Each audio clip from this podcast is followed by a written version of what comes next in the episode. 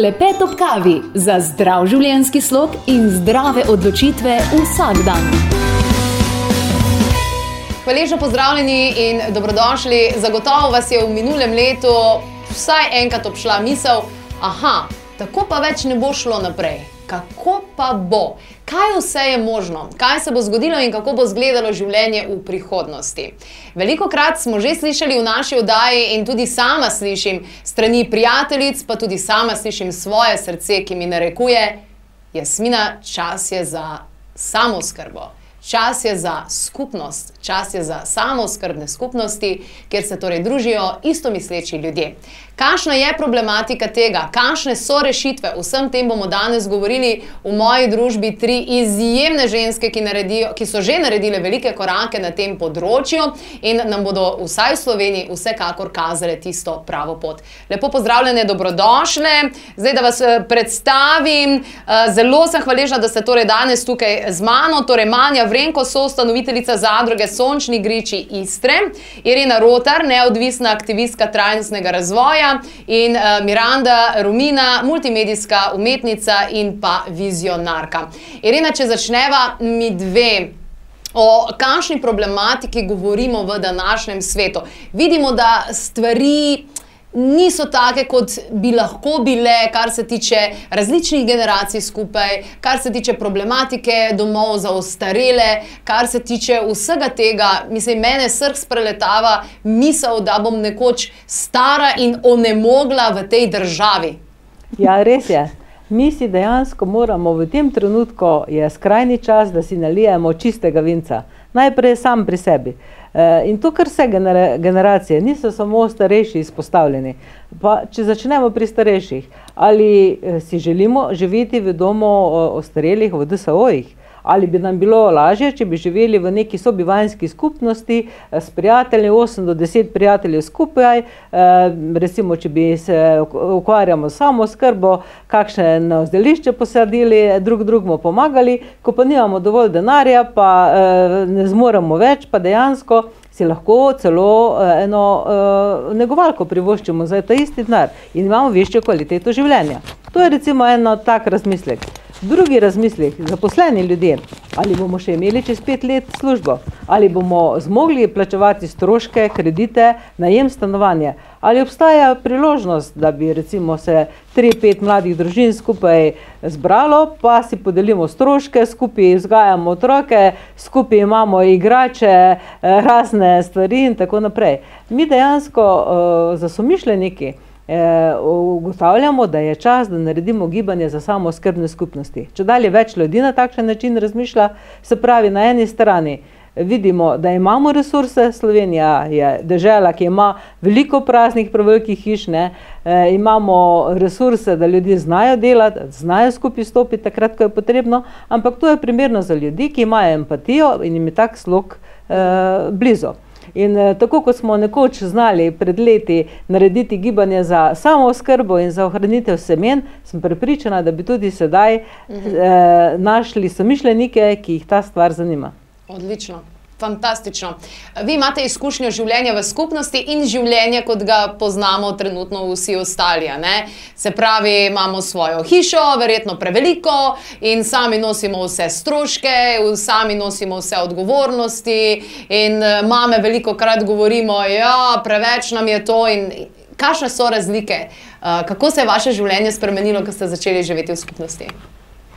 Ja, najprej bi rekla, da eni imajo to srečo, da živijo v prevelikih hišah, drugi pa imajo druge vrste težave.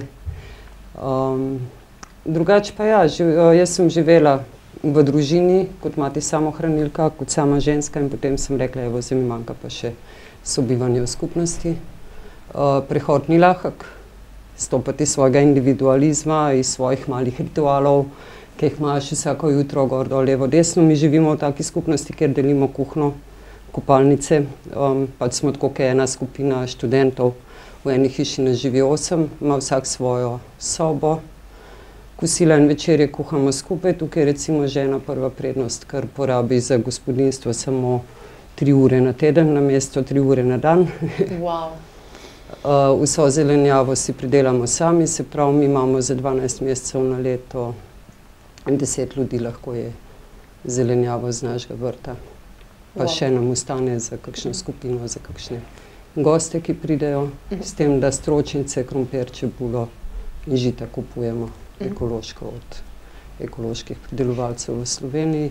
Stroški se znižajo, se pravi, plačujemo s- osem ljudi, en internet, eno elektriko, en hladilnik imamo, en pravni stroj imamo, en štedilnik, to se pravi, že sama nabava, pa tudi potrošnja, tudi proizvodna eh, smeti je manjša. Se pravi, ne samo, da eh, sebi dobro delaš, ampak tudi okolju dobro delaš, če si v, povezan v skupnosti. Se Pa pravi, cel kup je. eh, Veliko je plusov, ne? Ja. Um, se vam zdi, drage dame, da smo postali preveč individualisti, da smo, mislim, slovenci nasploh preveč zaprti, uh, ti si živela po vsem svetu dejansko. Ja. Si, si odkrila to, si opazila to, kako smo zaprti, kako smo navezani na te neke. Na koncu, koncu smo navezani celo na nepremičnine, nekateri so jo pol življenja gradili. Ne? Ja. Jaz sem raziskovala individualne poti in sem raziskovala skupne, in nekako sem sledila nekemu naravnemu toku. Uh, to, kar si rekla, se mi zagotovo zdi res, da so tle pač vsi malo bolj vezani na lastnino, na to, da jo ne morejo kar tako svobodno deliti, kot sem jaz nekoč videla v Avstraliji. V eno veliko skladišče so naselili kreativni mladi ljudje, ogromen skupen prostor, sobe, kar na nivojih postavljene po tem ogromnem skladišču, en velik studio, večji kot je tale zdaj, tlele, so imeli samo za svojo kreativno dejavnost. Tiste sobe so bile tako zvočno ne, neizolirane, ker je pa v Sydneyju bilo to izvedljivo, da je lepo vreme vse čas leta. V bistvu uh, so imeli to tako kot ene taka mala gnezda naokoli, vsak si je svojega naredil, eno veliko žurko smo naredili tam za nas, ki nismo tega poznali. Tisti en hladilnik velik je mene mal zastrašil, ker imam izjemno visok standard uh, čistosti in tudi tega veganstva v bistvu v mojem hladilniku pač ni. Uh, Ni živalskih, živalskih ničesar, a ne. to jaz ne bi zmogla tega in zato sem pač pol upoštevala te individualnosti v tem projektu, modelu, ki sem ga zasnovala, idejno nekaj predstavljala svetu in še vedno čakam na udejanjenje, kdo si upa uh, v konkreten poskus investirati. Tako da moj namen je ta, da navdušim uh, saj tako, da nas je deset, ne, to jaz razumem, da je ena prava uh, celota, ki imamo popolno samooskrbo tudi elektrike, eh, kjer robotki delajo na mesto nas, saj tam, kjer lahko, kjer je en utility, kjer imaš aplikacijo, ki te poveže, tako da imaš svoj bazen, svoj fitness, svoj skupni prostor, kadar ga rabiš. O, to je zdaj že luksus, to je zdaj že luksus. Okay, to, to, eh, kaj vse je praktično možno, bomo govorili v nadaljevanju, tako da ostanite eh, z nami, če se vam tale trenutek zdi ta ideja čist preveč divja. Imejte malo potrpežljivosti, obstaja namreč veliko različnih načinov. Ampak, uh, Irena, uh, zakaj, zakaj se ni nič premaknilo na tem področju? Mislim, trenutno se ne morejo niti zmeniti, da bi še mogoče kak dom za starejše naredili. Medtem ko, kot smo slišali, imamo ogromno praznih eh, stavb, nič več novega praktično ne bi rabili graditi. Ja, problem je sedaj, poganja nas kapitalizem. To je vzor vsega. Se pravi, politika ne bo naklonjena obnovi starih eh, stavb. Če je neka skupnost samo oskrbe, ja, od njih ni veliko koristi. Ne? Eh, Ne trošijo, niso večni potrošniki, eh, ne poganjamo kapitala in kapitalizem je edini način je nenehno trošenje, nenehno izrabljanje virov. Ampak tudi ljudje ne bodo imeli denarja, ne bodo imeli sredstev, da bi lahko. Kaj, kaj pa bo potem z njimi, če se ne bo nekaj takega naredilo? Ja, problem je to, da nam usodo krejijo tisti, ki imajo preveč denarja in eh, razmišljajo o tem, kako bodo doživeli tisti, ki ga imajo manj. In ravno zaradi tega je ta inicijativa ljudi, da vsak razmišlja na svoj način. Uh, mi smo tudi kapitalizem, recimo, zelo lepo naredil maminega sinčka v navednicah, ne? ker zdaj je pa to zelo uh, ne eh, moderno, da je fan doma za svojo družino, ne? ampak to je medgeneracijsko sožitje. Ne? Na tak način so generacije preživele v Sloveniji. Uh, Ampak pravijo, da mladi pa stari ne smejo biti skupaj. Ja, potem pa naj gre z drugimi stari, lahko pa gre v drugo sobivansko skupnost, da bo kar mladi skupaj, če se bo lažje to tako ujel. Recimo, mi imamo veliko društv, ne vem, tudi mladi se združujejo v društvo, v fitnese in tako naprej. Najdeš pet, šest prijateljev, pa se nekako dogovoriš, da bi to mogoče šlo v sobivansko skupnost. Zakaj ne? Se ni treba, da uh, tudi ima vsak svoj, mi imamo tudi veliko individualnih hiš, vse je lahko tudi skupnost. Par hiš skupaj, pa da se delijo določen del eh, skupnih dobrin. Eh, tako da na kak način zracionalizirati stroške, manj obremenjevati okolje in eh, si zagotoviti blagostanje sebi, svoje družine in tudi ne na zadnje širši skupnosti. Uh -huh. Tako, uh, Sanja Lončar je bila tudi v naši oddaji, že je enkrat govorila o co-housingu in eh, dajmo preveriti, kaj je dejansko povedala uh, glede tega, kaj se zgodi, kaj je treba, česa se je treba zavedati, ko se torej odloči za nekaj takega. Danes, že ko gledamo demografijo, ko se bova medve upokojevale, stroški bojo bistveno dražji storitev, kot so danes, pokojnine v realnem znesku bojo bistveno niže, kot so danes.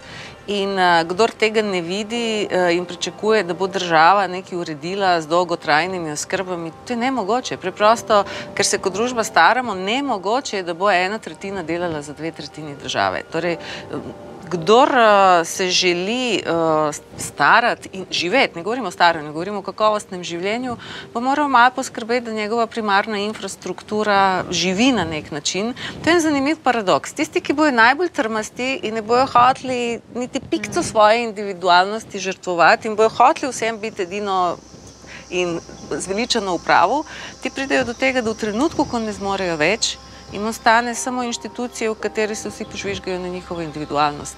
In obratno, Uf. če pa smo pripravljeni dojeti, da ni naš ego tega sveta vladar, da, da je veliko več tega, kar nas združuje, da obstaja en, enost, iz katere črpamo veliko tega in se sprejemamo, potem pa vsi ohranjamo veliko večjo možnost, da to svojo individualnost živimo do zadnjega dneva, brez strahu, da uh, ne vem.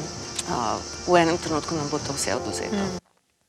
Tako, kjer je volja, je seveda tudi pot, in vsak najde svoje razloge, zakaj naredi takšen premik. Ampak teh razlogov bo z leti vedno več, ne, zakaj bi se odločili. Kaj pa je bil vaš motiv za to, da ste se odločili, da okay, gremo skupaj pod eno streho? Uh, jaz sem živela mestno življenje, imela sem svoje podjetje uh, v Ljubljani, Ljubljančanka sem na kar sem šla na neko duhovno potovanje v skupnost v Italijo, v Damanhur.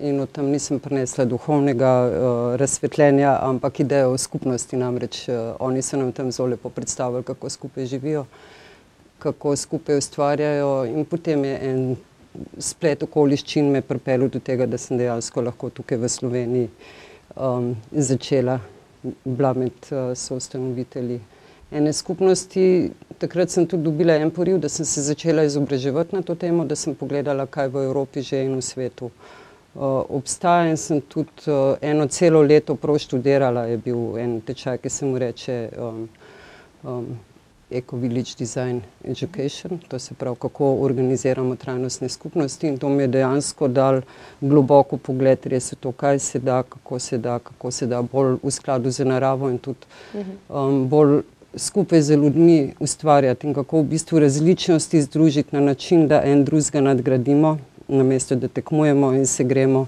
Jaz imam prav ti pa na robe, da se reč gremo. Le ti imaš prav, jaz imam prav, skupaj imamo pa eno novo um, znanje, eno novo kvaliteto. Tako da to so bili moji motivi um, in ne bi šla več nazaj sem zelo zadovoljna, da sem tako zbrala. da Manhur smo obiskali tudi z našimi gledalci, pravzaprav večkrat in eh, vedno ne pridejo navdušenje. Ampak da Manhur ima zdaj že več kot tisoč dejansko članov te skupnosti, kaj ne da? Ja, v bistvu jih je tam po tisti dolini, jih živi okrog 800, potem imajo pa še dislocirane na Japonskem, imajo svojo uh, filijalo, da tako rečem, pa v Avstraliji precej močna je ta skupnost zelo hud in pač tudi po drugih kontinentih. Tudi uh, Mačarska se zdaj odpira, na Hrvaškem imamo uh, center, da imamo hud. Eni so kot skupnosti, eni so bolj kot neka duhovna središča, ker da imamo hud je vse in skupnost in duhovna šola. No?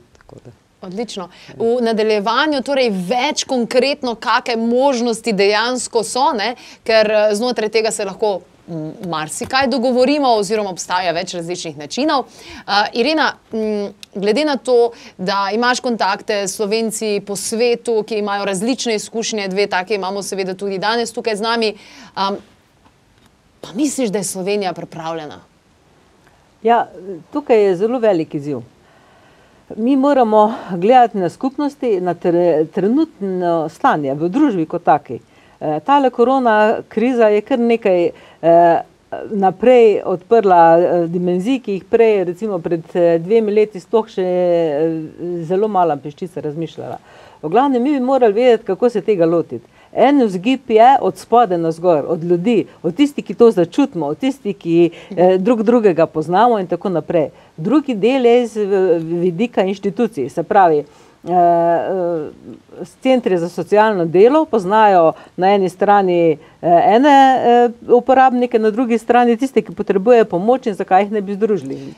Eh, na tretji strani moramo pritiskati na odločevalce, ustrezna zakonodaja še vedno nimamo.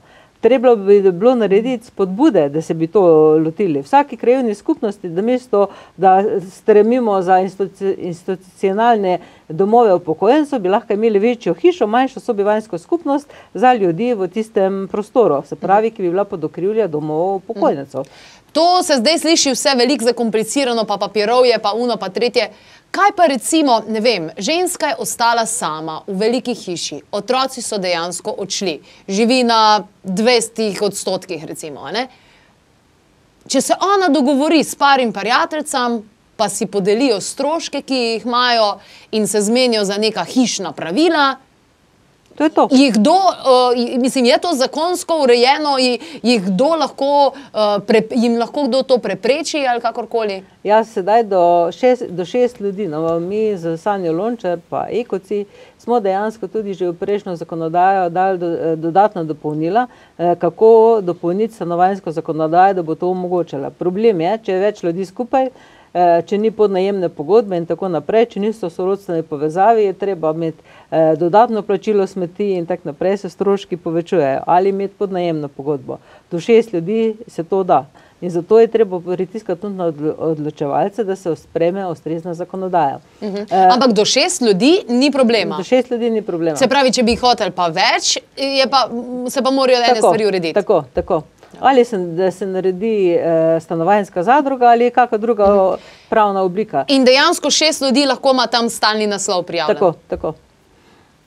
E, drugače je pa kar velike rešitev na tem področju, e, tako da se da tudi sedaj, no, se pravi, stanovanjskimi zadrugami. Tukaj, e, tukaj je pa zelo pomembna tudi lastnina.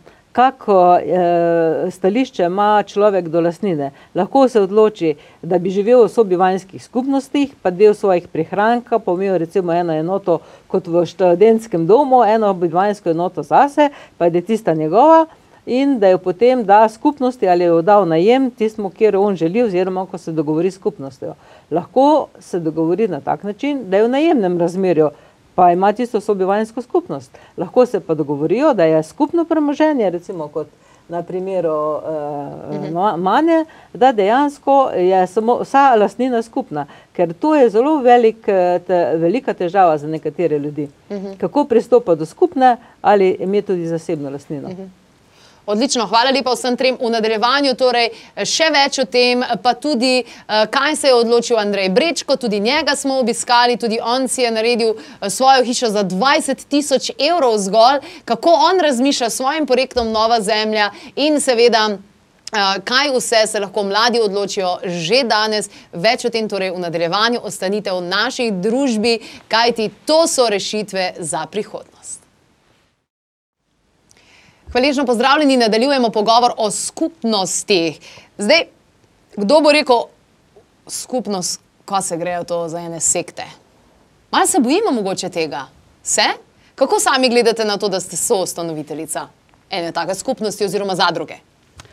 Ja, skupnost je v bistvu le, skupnost je posod okrog nas in mislim, da, kaj pa vem, imamo stanovanske skupnosti, vsak blok je skupnost zase. Imaš krajevno skupnost, imaš interesne skupnosti. Ampak je tukaj razlika. Recimo. Sama vem, da sem živela v bloku v Ljubljani in sosedi so bili zelo nekomunikativni. Nismo se pogovarjali, niso bili odprti za to uh, skupnost, o kateri danes govorimo, pa skoraj da veš, kakšne prebavne izzive ima tvoj. Ampak to je škoda, ne, da te sosedje da ne, ne skreirajo. Lahko bi ne, vsak blok imel en skupni prostor, kjer bi otroci skupaj se v spot igrali. Ena mama bi lahko gledala na štir, pa bi se mal menjale, ena bi lahko kuhala za uh, štir in tako naprej. V glavnem to uh, idejo skupnosti ali pa kulturo skupnosti, da tako rečem, bi lahko uvedel v katero koli okolje. Sploh ni treba iti v neko hišo, nekam na deželo živeti. Mi smo pač to zbrali in jaz sem srečen, da smo, ampak so ljudje, ki potrebujejo mesto, ker imajo službo, ker imajo šolo, ker imajo izvenšolske dejavnosti.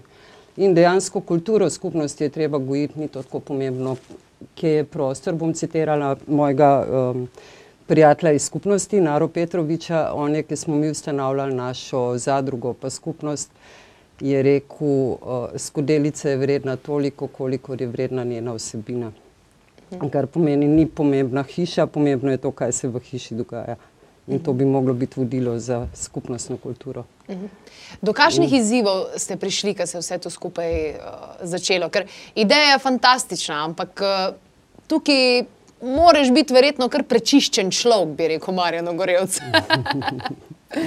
Vse se začne in konča pri dogovorih, pri ljudeh. Mi pridemo skupaj, mislimo, da imamo iste sanje, mislimo, da govorimo o isti stvari, skupaj naredimo vizijo, skupaj gledamo tisto zvezdo vodnico, na kar stopimo na pot in ugotovimo, da sploh nimamo istih idej. Kaj to pomeni? In potem pride seveda do konfliktov, pa jaz imam prav, pa ti nimaš prav, pa jaz sem močnejša, pa ti si bolj neumen, pa jaz sem bolj pametna, pa jaz imam več denarja. pa ja. Tako, um, cel kup teh dinamik se zgodi in skozi to je treba iti. In v bistvu imamo, um, Scott Peck je napisal eno knjigo Roads Less Traveled, se mi zdi, da je naslov, in tam imaš model skupnosti, kako skupnost raste, štiri faze. Skupnosti je um, opredelil, prva faza je faza zaljubljenosti, tako kot v partnerstvu. Mi se imamo radi, mi bomo skupaj živeli, bomo skupaj kavico pili, vse bo dobro, med nami je sama ljubezen, srčki letijo okrog in objemamo se vsako jutro. Pa se pa med poliže. Pol se pa med poliže, potem pa uno, kaj delam s temi ljudmi, kam je bilo, zakaj nisem v, ustal tam, ker sem bil v svoji lastni hiši, ker sem lahko, ne vem, pusto krožnik v umivalniku, pa se mi ni nobeden utaknil. To je tako naprej čez banalnosti. Uh, Falkov Damanhurja, ustanovitelj, je enkrat rekel, skupnost se konča pri tem, um, kdo je pojedel moj jogurt. to je tako banalna, no ali pa zakaj nisi zaprl štofalce, tako kot v partnerstvu. No in če preživi, večina skupnosti razpade tukaj. Se pravi, najprej se imamo radi, se imamo super, na kar pridemo v to obdobje streznitve in tukaj večina skupnosti, 9 od 10 razpade in tiste, ki so preživele to, uh, grejo potem v ponovno, um, ponovno gradno in takrat se šele skupnost postavi in v četrti fazi pa lahko skupnost zaživi. In um, ponavadi se skupnosti v dveh letih po nastanku veliko projektov propade. Iz tega razloga, ki sem rekla, ker ne prenesejo tega trenutka, ko padeš na trg. Se pravijo, ne, da dve leti ne bi bil rok trajanja za zaljubljenost. No, tako je tudi za skupnostjo. Zdaj, v bistvu je ista dinamika, samo da imaš tukaj Več ljudi. ljudi ali pa 20, ali pa jaz ne vem, pač različne skupnosti so. Prej si lepo rekla, da imam hudih ima 800, ampak oni živijo v malih nuklejih. In recimo, če jaz govorim o naši skupnosti, um, mi smo kot en damahurski nukleo, recimo. To je točno tako. Miranda, delno še živiš tudi v Aurovilu. Aurovil se nahaja torej v Indiji, tam eh, ni nobenih uh, verskih, ni versko pogojena ta zadeva. Ne? Se pravi, vse je tukaj dovoljeno in predvsem veliko umetnikov je. Kakšna je izkušnja življenja v Aurovilu? A, ideja, ki jo je Mira Alfasa, ki je bila tudi sama umetnica uh -huh. iz Pariza, združila z Šrijo Robindovo idejo o razsvetljenju in kreativnosti in razvit potencial nas do maksimuma, ker je on v Pondičarju v Ašramu a, poučeval, živel celo življenje, mislim, od takrat, ko je prišel pa do konca, je ona nekako prenesla v prakso. In to je postavila krasno. Kot umetnica je vedela, kaj hoče. poklicala je najboljše eh, arhitekte sveta in so ji to njeno idejo razgradili. In to je mesto za čez 50 tisoč ljudi, v katerem živi ta hip 2300 ljudi. Ima pa recimo v normalnih pogojih 7500 gostov letno, ki so zelo zanimivi in pridejo iz celega sveta pogledati zdaj to čudo, ki je džungla z enim krasnim objektom, ki, ki je še vedno v nastajanju, ki je 50 let vzel v Ravilu, da se ga je ustvaril. In je ta objekt pobral ogromno energije, tako da ni recimo pošte, ni bančnega avtomata. To je še vse z vasmi povezano. Vasi so same znotraj tega kroga, v katerem mesto se nahaja, v obliki galaksije. In tam je življenje za ene lahko zelo preprosto, živijo na hišicah, ki so popolnoma naravno ustvarjene na drevesih in v teh nekih kreativnih formah, brez vseh ostalih priboljškov družbe in živijo od svojega dela, nekaj podobnega, kot uh, predstavlja Manja, sicer v čist basic pogojih, ker so si tako zbrali. In imaš ljudi, ki imajo vilo z bazenom in imajo tam vse po njihovo ustvarjeno znotraj ene skupnosti, ki si je podobna. Torej, Oravil je poln skupnosti. In mi nikakor nismo kamor pasali, ker v eno umetniško nas niso hoteli vzeti, ker so umetniki imajo en poseben ego in imajo zelo težave pri tem, da kar nekdo vstopa v njihov prostor. In uh, jaz sem to tudi ugotovila, da smo mogoče najbolj problematičen del, ne, ki pa se izjemno dobro komplementira vse čas. Skratka, jaz s temi ljudmi, s katerimi sem tam dol ustvarila to umetniško rezidenco, umetniški center, ki ga je obiskal izjemno veliko slovencev in tudi ostalih gostov, vse smo nekako gojili, uh, gostili in, in tam noter in pripravili nekaj ideje smo tam noter, tudi um, speljali smo recimo po tem orkanu eno umetniško rezidenco, tle Slovenca, Kiparja, ki je imel workshop tam in razstavo in je ustvarjal v drevesih, ki so bila podrta ob ciklonu. Wow. Wow. In pa veliko smo imeli razno raznih naravnih skupnosti, kot pravim. Jaz sem kasneje tudi prakticirala home exchange in to je ena ogromna globalna skupnost. Skratka, če stojimo za tem, da je ekonomično, da mi naše telo in naše dobrine in vse naše prijatelje in našo primarno družino povežemo v nekaj skupnega, da nismo zdaj tam v kotu, da so pa tam oni skupnost. Mi smo del planeta, mi smo del kozmosa, mi smo male, male enote mhm. tukaj. In več, ko nas je ptic, ki letimo v isto smer, toliko močnejša je ta skupnost, ker ja, lastovke ne bi nikoli preletele oceana, če ne bi v piramidi letele, ki jih zaščiti. In jaz sem bila tudi nekač, nekoč zelo naklonjena temu, da grem jaz svojo pot, ne glede na to, da sem bila del ogromno projektov, ki je vsebovali zelo veliko ljudi. A, ampak pa sem videla, da je dejansko te ptiče nekako treba priklicati in jaz sem gradila na modernem modelu, ki bi mlade, ki mestne ljudi, razvajene ljudi, pripeljal nazaj, kjer bi ohranili neko svojo individualnost. Mislila sem pa tudi na upokojence, študente. Moj model vsebuje popolnoma vse plasti družbe, ki čutijo potrebo, da na ekonomičen način zgradijo Mhm. To, kar bi en delal, to pa toliko. Seveda, dlje. da si pomagamo. Uh, ta home exchange se mi zdi uh, tudi krasna ideja. Uh, tudi sama, ki potujem, uh, pa nisem jaz človek za hotele. Uh, spoznavaš ljudi in se dogovoriš, da zdaj grem jaz v tvojo hišo, pol greš ti v mojo hišo. To je tudi neka taka. Uh, Pravzaprav dobra varianta, pa še prihraniš na koncu koncev.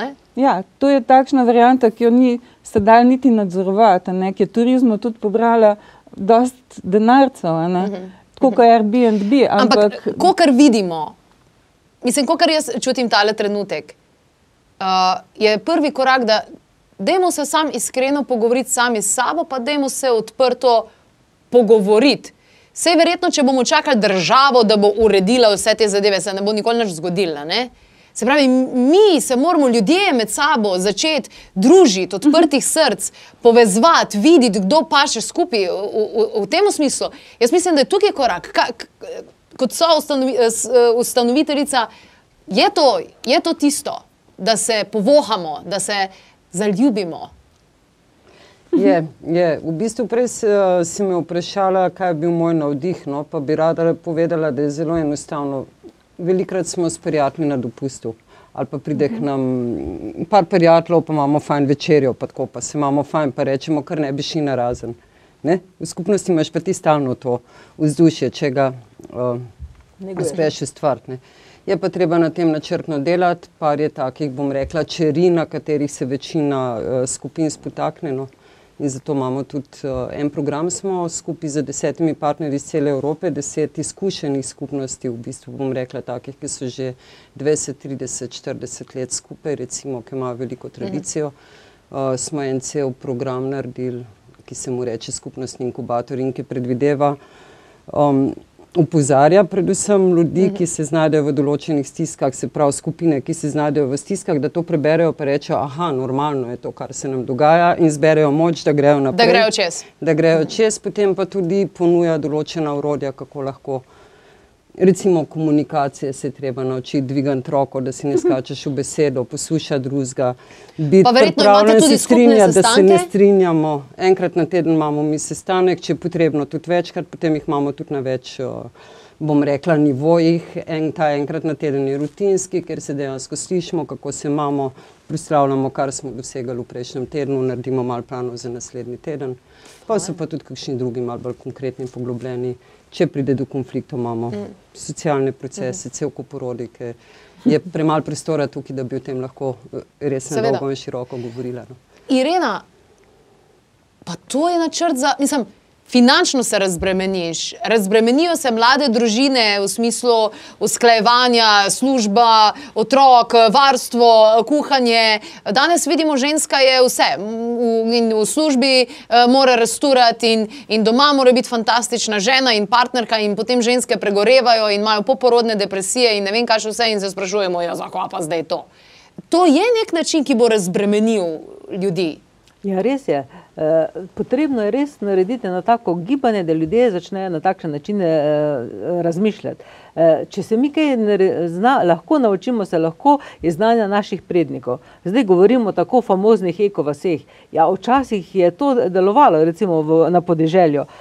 Soseda drug drugi so izmenjali solato, izmenjali so oblačila za otroke in tako naprej, imeli so skupna urodja, skupne stroje in tako naprej.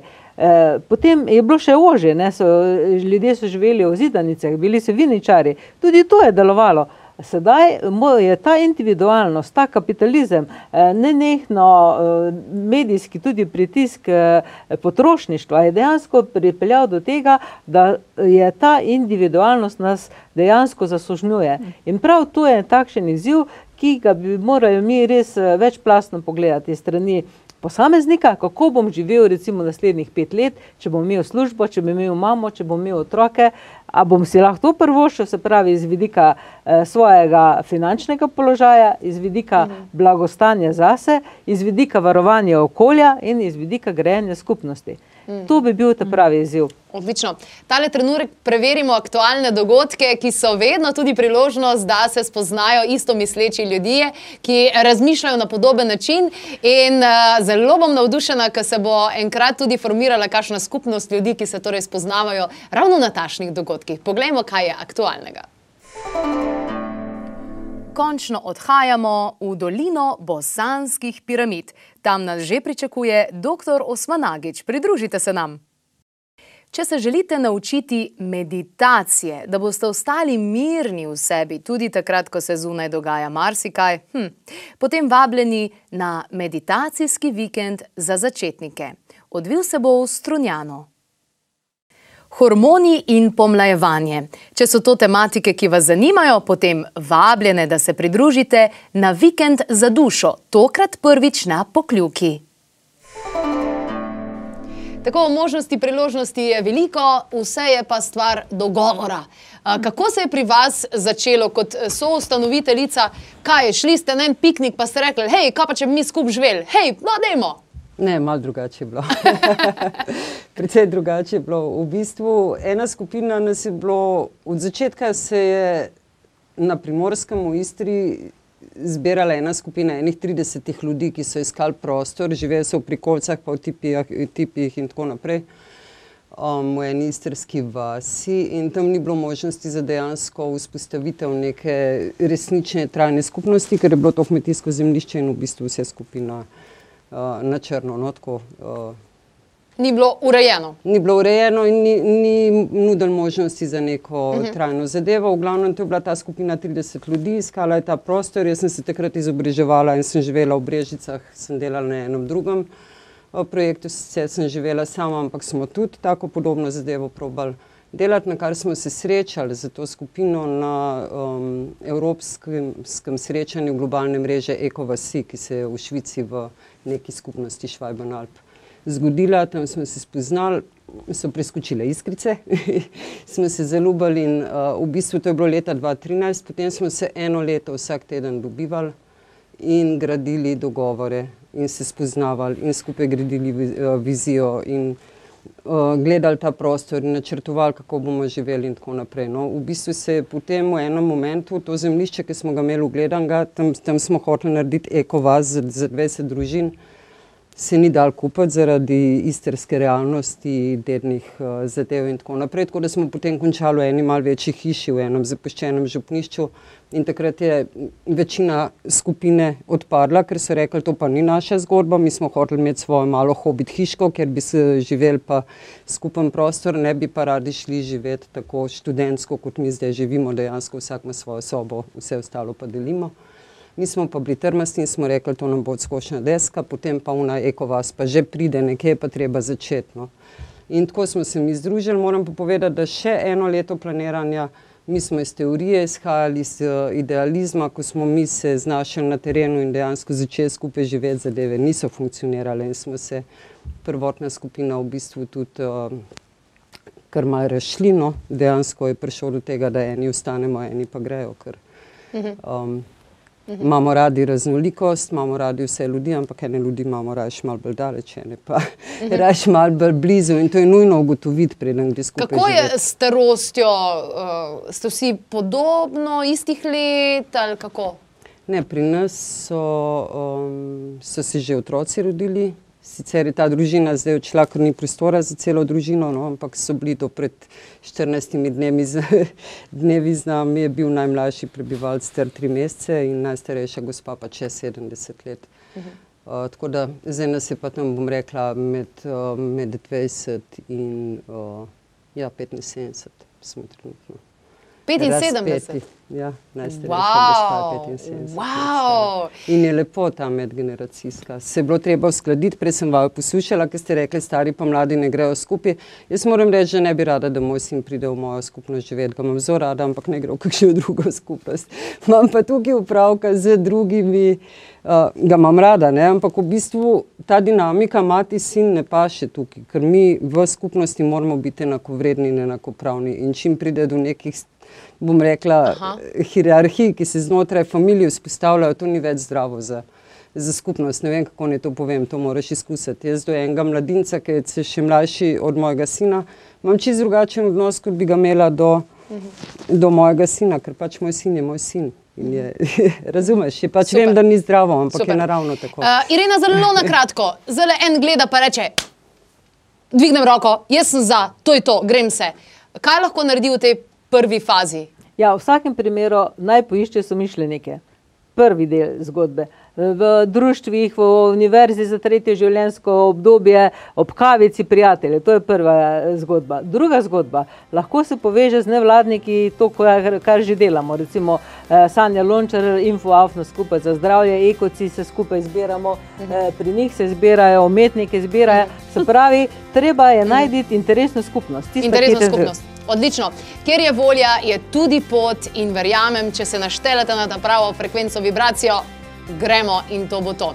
Sicer pa, kakšna bo prihodnost? Vprašajte se in mogoče prva stvar, ki jo lahko naredite že danes, dajte bolj spoznati svoje sosede. Dajte jim priložnost. Klepet ob kavi. Poslušali ste avdio posnetek oddaje Klepet ob kavi, omenjene izdelke, povzetke, povezave najdete na trikadvojni klepetobkavi.si, lahko pa tudi pokličete svetovalke na nič 2 6200 230 ali pa pišete na infoafna klepetobkavi.si.